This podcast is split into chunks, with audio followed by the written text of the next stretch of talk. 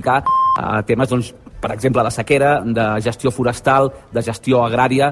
Eh, ha sigut una xerrada molt interessant doncs, per, per veure com tot aquest mm. món ens pot acabar ajudant. La, la Dolors et volia preguntar també si en general els meteoròlegs d'altres països són optimistes o, o pessimistes amb la situació que dèiem ara de, de sequera, però també m'imagino que Clar. hi ha altres països que deuen tenir mm, accés d'aigua fins i tot, no? Sí, sí, sí, són pessimistes en l'escenari de, de canvi climàtic, però mira, parlàvem amb el Jarek, que és un, eh, el Tomàs Molina de Polònia, perquè ens entenguem, és l'estrella mediàtica i més coneguda de Polònia, sí. eh, i ell m'explicava, eh, diu, és que a Polònia estem saturats d'aigua.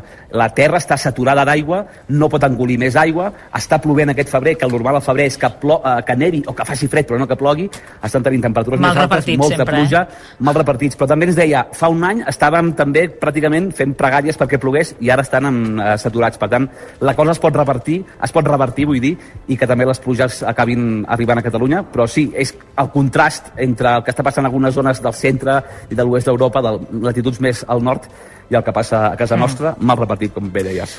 Abel, eh, hi ha una pregunta que ens estem fent tots, que sí. sabem els que et coneixem perquè et veiem aquí, que sempre vas amb pantalons curts, sí. ara estàs a Andorra, has dit que estava nevant, t'has posat els llargs o no? Tampoc. Mira, m'he posat els llargs avui per esquiar, eh, però bé, aquí a Paladins... T'has posat, eh? Has fet d'excepció. Per esquiar, sí, només ah, faig excepcions. Per esquiar, més que res per si call, que avui ha caigut, eh, per no cremar-me amb la neu, que pot cremar, i per la patum de Berga. Són els dos únics eh, casos que em poso pantalons llargs, però ara estàvem aquí fora, que estem sopant i hem sortit un moment a veure la nevada, que estava caient amb, amb ganes i estàvem a sí. 5 sota 0. Pantalons i he sortit amb pantalons curts i la mar de bé i, en fi. escolta'm... Uh, no hi ha qui l'arregli. Volem una foto amb els pantalons llargs. Ara us passaré una, una, una foto, un vídeo, i dilluns jo estaré aquí la mar de sa, eh? no patiu que no em posaré malalt. Molt bé. Abel, que acabi d'anar bé. Una abraçada. Gràcies, una abraçada. Que vagi bé. Que vagi bé. Deixem aquí la tertúlia d'aquest divendres que hem fet amb el Dani Sánchez Hogar, la Sílvia Cànovas, l'Oriol Ribet i la Dolors Camats. Que tingueu bon cap de setmana. Bona, vagi bé. Bona nit. Bona nit. Ara passen dos minuts de les 10 de la nit.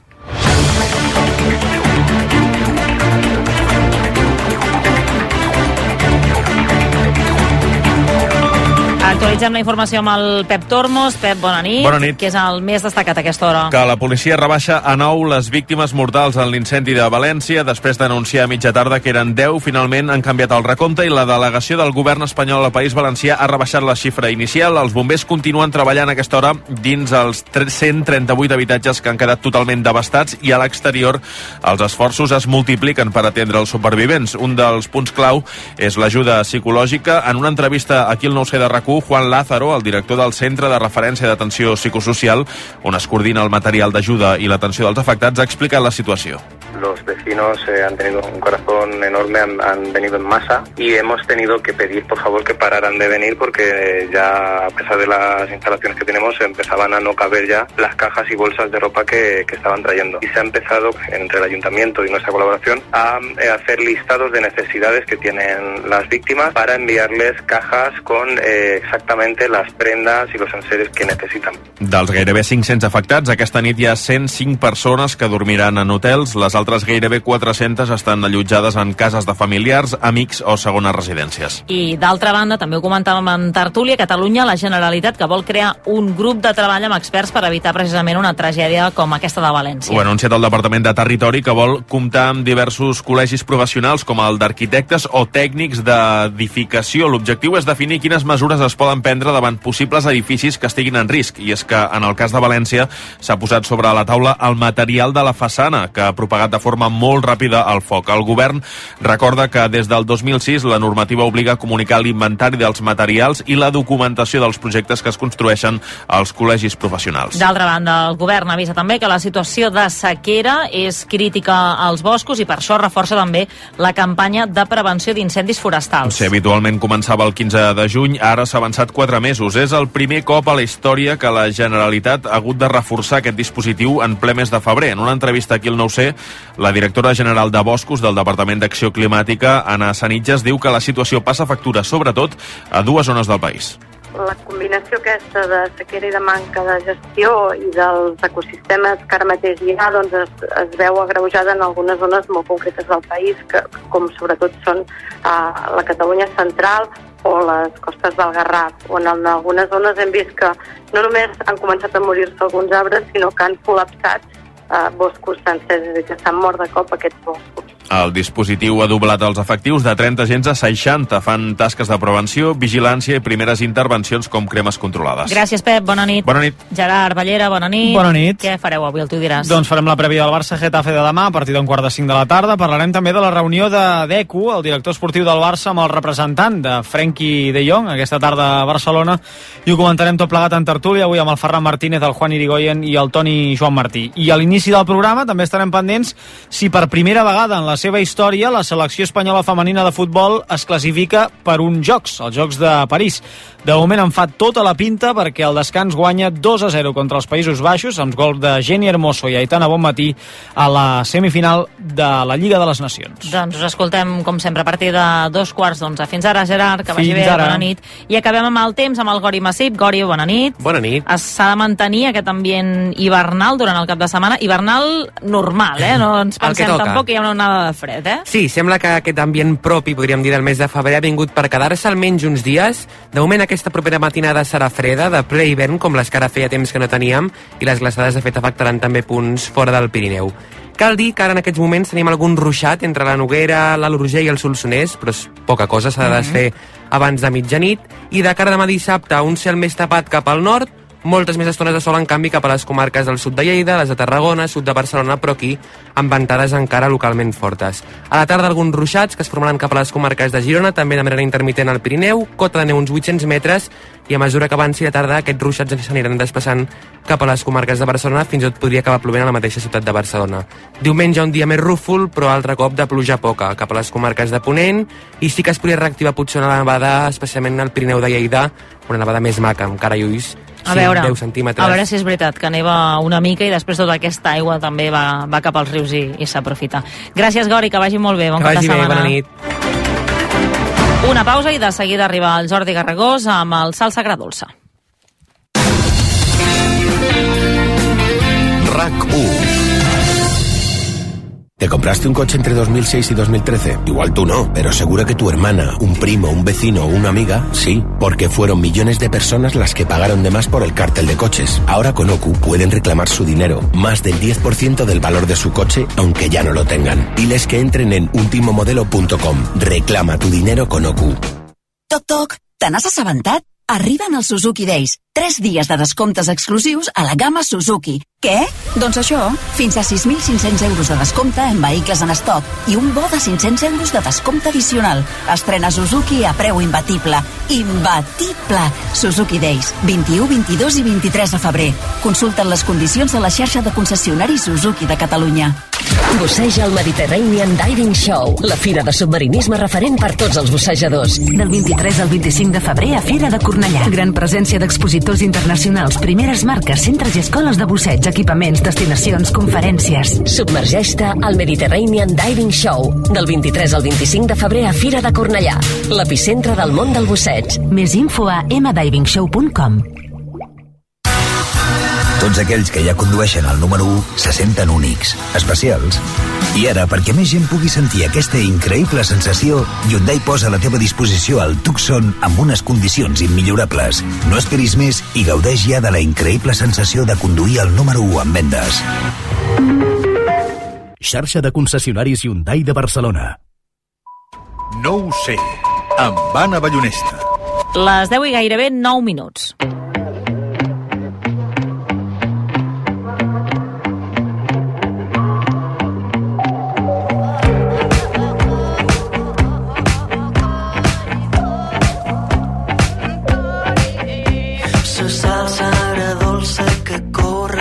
Ses meves venes. Jordi Garrigós, bona nit, com estàs? Bona nit, molt bé. Divendres, eh, ja? Sí, eh, vinc una mica decepcionat. Per què? Perquè jo m'havia fet la idea del, de l'Abel Caral pujant al telecadira amb pantaló curt. I ara Té dues excepcions a l'any, ja ho ha dit, quan va a esquiar i quan va a la Patum. que Mm, dos era casos perquè et pots cremar. Bueno, ben fet. Mm, Mira, nosaltres el seguirem veient amb pantalons curts. No I pateixis tant. que la setmana que ve el tornarem a tenir aquí amb, amb calça curta. Va, de què, de què parlarem A veure, avui, Jordi? segurament no n'ets conscient, vull dir, segurament Per ningú n'és conscient, però Ah. aquest divendres és com una mena de dia d'entreguerres Com? en el camp dels talent shows. Ah, sí? Sí. No sóc molt seguidora, jo, tampoc. Bueno, la cosa és que dilluns va acabar Operació Això sí que Triunfo, això que va sí. ser, no?, que aquest any era com a Amazon, Sí. i divendres que ve comença Eufòria, a TV3, Mhm. a la nit, que, per tant, em fan la competència. No ho veuré.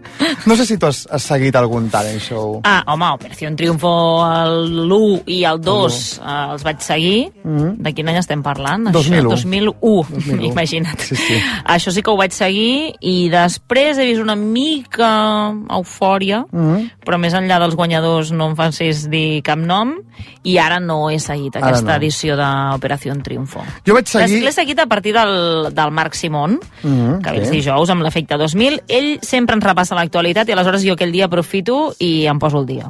Doncs jo vaig seguir aquella, te'n recordes, aquella edició en la qual va aparèixer i el món va conèixer el Risto Mejido, Mejide? Sí, alguna cosa vaig veure també Sí, que d'aquesta es- edició. es dedicava però a- a- més, he vist més els talls del Risto Mejide que no el, el concurs en si. Diria que en aquell moment eh, encara teníem certa innocència no? en relació a la tele. Vull dir, fa, fa temps, però tampoc fa Ens tantíssim. creiem que realment Ens estava creiem, enfadat sí. i que tot això no, no estava or organitzat perquè Clar. hi hagués perfils diferents. Però després ens en vam adonar que estava copiant a un tio de la versió anglesa, que és el Simon Cowell, que estava, feia exactament el mateix paper que el Risto. Jo vaig seguir molt atentament aquella No edició. ho hagués dit mai, eh? Si m'haguessin fet posar la mà al foc, de, em pregunten, Jordi Garrigós ha vist una edició d'Operació Triunfo? Aquella. Hagués dit que no. Aquella, però bàsicament perquè m'agradava... Què va passar? M'agradaven les bronques que, que fa. Jo me'l creia, de veritat. Val, val. Bueno, en qualsevol cas, van passar els anys, d'aquí no massa, en farà 25, del primer Operació Triunfo, i agradi més o menys, aquest tipus de shows han estat una plataforma molt important per a la descoberta de nous cantants, i aquesta nit doncs, en recordarem alguns, i sobretot descobrirem com alguns dels grans tòtems de la música van sortir d'un talent show. Per tant, hi haurà sorpresetes, jo crec. Val. Gent que ha sortit de concursos com Sí. a Operació I que no Triunfo o d'altres, eh? I que no t'ho esperes. Val. D'acord? Comencem amb un, amb un força... Amb un que sí que ens ho esperem. Sí, ens ho esperem. M'abraço als arbres d'aquest camí que em portin lluny però que sempre em tornin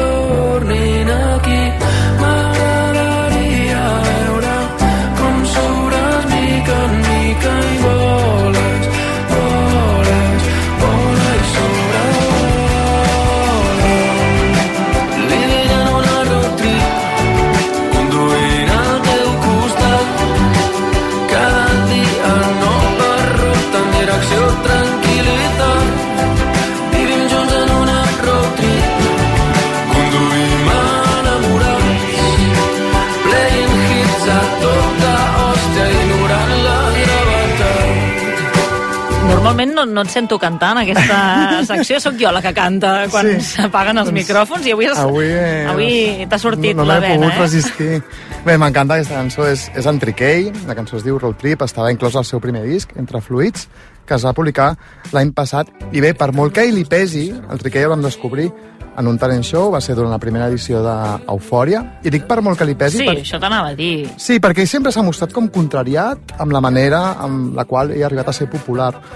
Ell ha fet declaracions sobre eufòria, no especialment Sí. elogioses, i han, han aixecat com molta polseguera. Jo el vaig entrevistar l'any passat, quan treia el disc, eh, i em sembla que sí, que realment el turmenta aquesta qüestió, i que té com una mena de síndrome de l'impostor, que se sent malament per ser aquest tipus de famós. I això entronca molt... Però potser jo crec que hi ha molta gent que, no, que ja pensa en el nom de Triquell i no se'n recorda de... I a Sí, més, sí, que tampoc no és, cap així. desprestigi, és així, no? És així, és És un tema que s'anirà repetint durant la secció d'avui. A mi em semblen interessants aquell, aquells artistes que no han sortit dòcils, com si diguéssim. El Triquell és un d'ells. S'han revelat una mica contra el fet de sortir d'un talent show. La cosa és que durant molts anys els músics que han sortit eh, d'aquest eh, tipus de programes han intentat, i dic han intentat perquè no tots ho han aconseguit, tenir una, una carrera com molt reglada. Ja. Això vol dir fer un estil com molt concret, Estàs pensant en David Bisbal? per exemple, no? Tot, tot, tot molt blanquet per tots els públics. En canvi, hi ha d'altres que n'han sortit de la línia. El mateix Eufòria, no? vam tenir aquest yin i yang. No? D'una banda hi havia la Marina Escoda, Sí. una cantant absolutament blanca, que per dir-ho d'alguna manera no perverteix eh, absolutament res, no porta cap gran novetat, és com la gènere perfecta. I La de jove, la jove, la la jove, jove, la jove exacte. perfecta. I de l'altre, el triquei, no? que entra en es- a l'escena urbana, que raja el programa, que es mou en certes així com Mm. més indie. Són dimane- diferents maneres de- d'entomar una carrera. Totalment, Òbviament, sí, sí. òbviament, cadascú és lliure de fer el que vulgui o, que crei, o el que cregui que és millor per la seva carrera. Però a priori eh, sempre ens agraden més els artistes que, tenen, que tenen aristes no? i que tenen matisos. D'aquí que en aquesta secció es digui salsa agradolça. Per, no, perquè no tot és dolç. Perquè si tot és Exacte. dolç no té Sí, tanta sí. gràcia. Després escoltarem més cantants d'aquests que s'han sortit una mica de, del camí marcat. Ara comencem amb les sorpresetes. A veure. Vale? Gent que no recordaves... Que no ens esperem, no? O que no sabies que han sortit d'un talent show. out of my life, I'm so much you, but I'm stronger. You thought that I'd be broke without you, but I'm richer. You thought that I'd be sad without you, I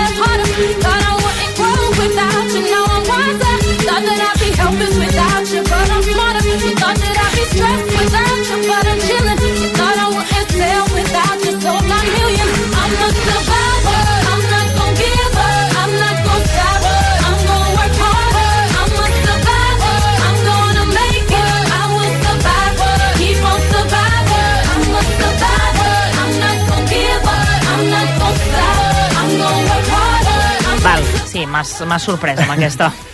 Aviam, Triquei, cada cop que et llevis a mitjanit pensant, turmentat, de que has sortit d'un talent show, No n'hi per tant, dona, pensa, no. pensa, d'acord, que les eh, Destiny's Child, per tant, Beyoncé Knowles, Beyoncé Knowles, també em va començar. I mira, i mira. I mira com li ha anat. Això de portar els nens a concursos és com molt nord-americà. Eh, ha aquella pel·lícula extraordinària, que és Little Miss Sunshine, no? d'una nena petita que vol participar Quina pena, a mi a em fa un pena. concurs de Miss, encara que no té cap possibilitat, eh, jo crec que aquella, aquella pel·lícula se n'en fot, no d'aquest costum. És la màxima aquesta de complir el, el somni americà i que en aquests casos casos passa als pares, no? que volen que el seu fill o filla triomfi Sacrifiquen tota la sacrifiquen seva vida perquè... perquè es faci seu- famós i una mica el retiri. Als Estats Units hi ha concursos de talents per tot arreu, per tant, no ens ha d'estranyar que les Destiny's Child participessin a Start Search, que és un programa de CBS que va durar, CBS que va durar 12 anys en antena i que és un format eh, com el 12 tu sí, anys, sí, eh, no? és un format com el tu sí que vales, ui? surts allà i fas el que millor saps fer. Cantar, Ah, pots fer de tot, fer eh? màgia, el que sigui. Sí, per allà van passar el Dave Chappelle, va fer un monòleg de comèdia, la Sharon Stone, que és actriu. Què dius? Sí, sí, la Lia, el Justin Timberlake. Doncs l'any 1993 va passar això. Welcome Beyonce, Lativia, Nina, Nikki, Kelly, and Ashley, the hip hop rapping girls' time.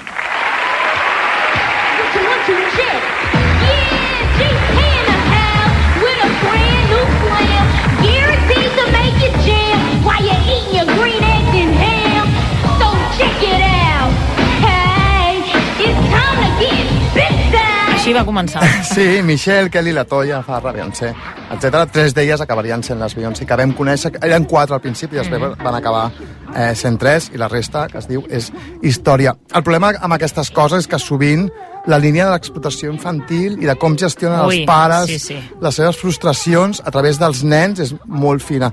Anem a escoltar un altre document? From Kentwood, Louisiana, here is 10 year old Britney Spears. 10 anys, eh? Ah, si la sentirem cantar. A veure...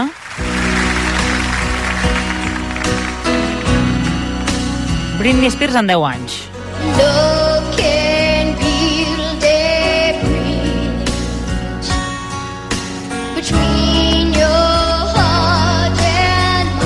Un estil totalment diferent, eh? Clar, tot és molt mono i està molt bé fins que vam conèixer l'enorme camió de merda que transportava aquella família. Vull dir que sí Els que... merders amb el pare Exacte, vull dir i- que compta amb aquestes coses. Recordar també que Rosalia va passar per un programa d'aquest. Sí, Amb sí, 15 sí. anys va participar a Tu sé qui vales i precisament no li va anar No, gaire bé. em No sembla va que va ser l'Àngel Llàcer que va dir que no, No va entrar. que no Crec que hi havia amb Mònica ella, eh? Naranjo al jurat, però no, no. Anem a escoltar altres cantants No van, anava a dir, perdó, no van tenir gaire, gaire bona gaire vista, visió, eh? no, no, no van ser gaire visionaris. Anem a escoltar altres cantants talent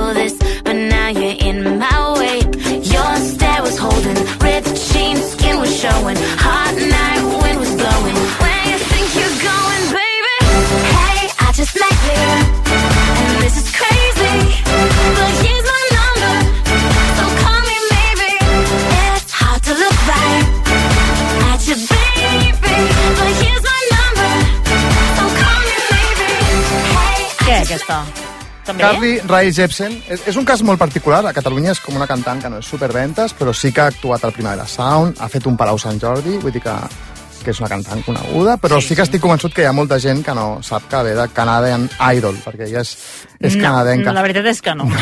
La Rae Jepsen és un d'aquells casos improbables d'èxit internacional, eh, però que mira, al final funciona. Ella el 2007 va quedar tercera en la cinquena temporada de Canadian Idol, Idol i va formar part de la gira de concert del programa i d'aquí a ser una estrella, que és exactament el que va passar, per exemple, amb Aitana Ocaña Sí. o amb el David Bisbal. En el seu moment es van veure superats per altres cantants i després el temps els ha posat al seu lloc. La Ray Jepsen és una autèntica celebritat absoluta al Canadà, tenen com un passeig de la fama, ella és de les Sí. principals, vull dir que va quedar I va tercera. quedar tercera, quedar però tercera. en canvi sí. Sí, la, la llista de perdedors de Talent Show és curiosa perquè està ple de gent eh, molt important. Et diré més, hi ha un cas molt singular perquè segurament és el cantant europeu més famós i popular d'avui, de 2024. Que va perdre, eh? Estem Va parlant perdre, ara? va perdre. En 2010 va quedar tercer en un concurs de televisió. És un altre nom que diria que hi ha força gent que se suspendrà en saber-ho. A veure. Home,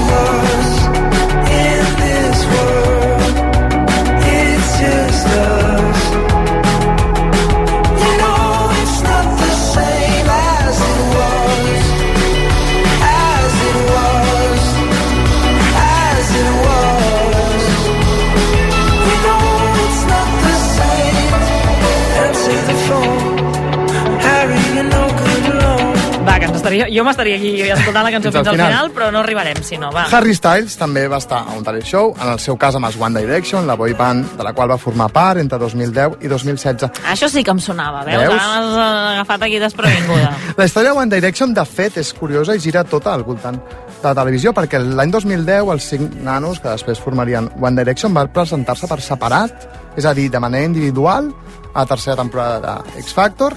Tots ells van fer les proves i cap aconsegueix classificar-se pel concurs, ni tan sols el Harry Styles. vale? Però en el seu camí es creua, tornem enrere al principi de secció amb el Simon Cowell, Eh, aquest senyor aquí el coneixem sobretot per ser aquest jutge amb molt mal humor, però és un tipus superimportant a la indústria... El Risto Mejide original. Exacte, és un tipus molt important a la indústria musical anglesa. És qui va treure, com si diguéssim, els Westlife, qui va formar el Divo, aquell grup absolutament hortera, i també presentar-se a la història perquè és l'home, és una frase que va ser molt famosa, que és qui va assegurar que les Spice Girls no triomfarien perquè la Gary Holloway estava massa grassa. Aquí. Sí, és com, una, és com una llegenda que ha acompanyat sempre les Spice Girls, doncs va ser el Simon Cowell. Ella es va fer ajuntar-se, els va veure en aquestes proves i els va fer presentar-se com a un grup a la següent edició. I, evidentment, sota el tutelatge de Cowell, van entrar i van acabar quedant tercers. Només sortir del I concurs... així tercers, però- Sí, sí, sí, només, això sí, només sortir del concurs i eren absolutes superestrelles. Van signar una discogràfica al Cowell per dos milions de lliures i es van convertir, jo crec que amb l'última eh, boy band occidental de la nostra era. És veritat que dins del fenomen aquest K-pop mm. n'hi ha Mhm. moltes, però jo ja no les tinc tan controlades. No, jo tampoc. Però sí que crec que de la nostra era els, els One Direction han sigut com els últims. Del Harry Styles, poques coses puc afegir. Eh, des de 2007 que fa discos i tot sol, col·lecciona parelles, eh, sempre molt més grans que ells, no? perquè Taylor Swift, Olivia Wilde... No tinc controlat, la veritat. que. Va, fa d'actor amb no gaire sort, no? el, el paper que va fer a Don't Worry Baby, la pel·li de l'Olivia Wilde era espantós, i acabo dient que Harry's House, el seu últim disc, està superbé, eh, ve molt de Britpop, i en directe, que jo l'he vist en directe, ah. És molt divertit i extremadament simpàtic, eh, cau molt bé. Mira que bé. I ara ja sí, ens anem ap- apropant a centrar-nos més al que coneixem ens més, toca aquí, que és no? Operació Triunfo. Prometo guardarte en el fondo de mi corazón. Prometo acordarme siempre de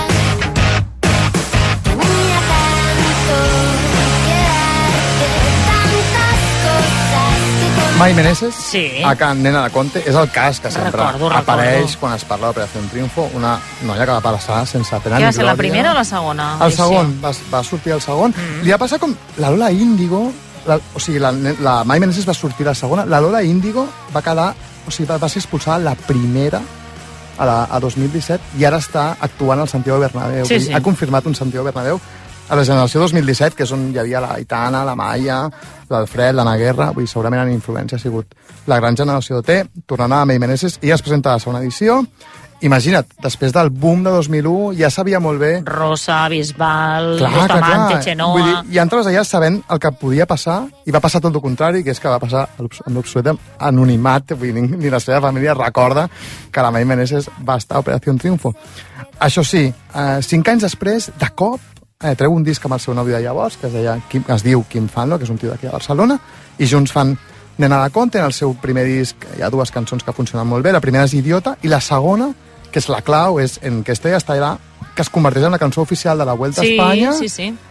i a partir d'aquí és l'explosió, el clip de la cançó apareix Antonio Banderas, són disc d'or, arriben número 2 als 40, farien diversos eh, discos més, eh, Mm. recordo el segon disc que hi havia una cançó de l'Ev que els hi fa la cançó, la, el videoclip al Bayona, vull dir que són un grup important fins que el grup es va acabant, després la Mai Meneses va treure una, una autobiografia que va estar Sí, explicant no que aquests gaire, anys... l'any passat, em sembla. L'any passat, doncs explicant que van ser uns anys complicats, no? que va, la relació que va tenir amb la seva Sí. parella, amb aquest Sí, sí. Quim, va ser molt tòxica, que va tenir problemes de drogues, eh, tot lo, lo difícil que és viure en aquesta indústria, i res, Nena de Conte, encara toquen, ella encara, encara fa discos, i si et sembla passem amb la única Va. guanyadora que parlarem aquesta nit. Ah. He llamado a mucha gente en media hora, abro las puertas del balcón. Tengo ganas de contaros que estoy triste y a la vez de subidón. Bienvenidos al show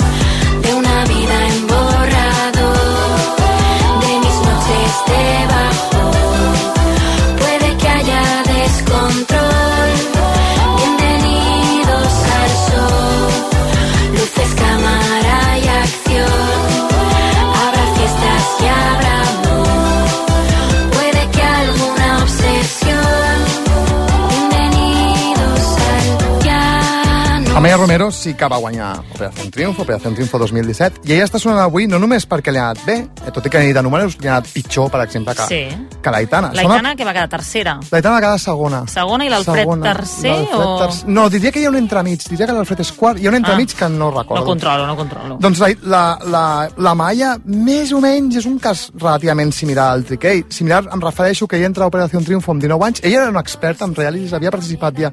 En realities no, en talent shows. Havia participat ja dos talent shows abans d'Operació Triunfo, que entra només amb 19 anys i ja n'havia fet dos, vull dir, ja portava carrera. I ella jo crec que no estava destinada a ser una artista canònica d'Operació Triunfo.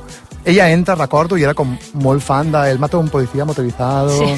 i es passava el dia com tocant los planetes i no sé què. Llavors, ella va fer, va guanyar Operació Triunfo, va anar A Eurovisió. a Eurovisió amb l'Alfred, que van sí. fer Mi canción, es deia, crec? Sí.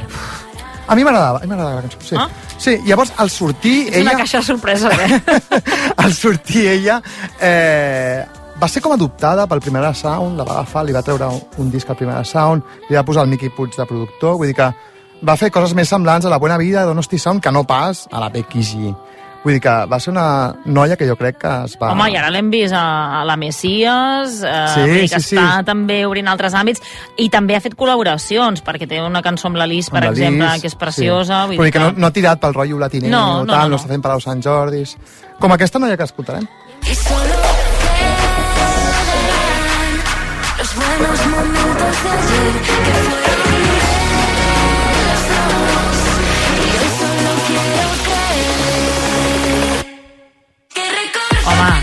temazo, eh? Mar és Maria Escarmiento. Hem de marxar amb Fent això. una versió d'hiperpop de...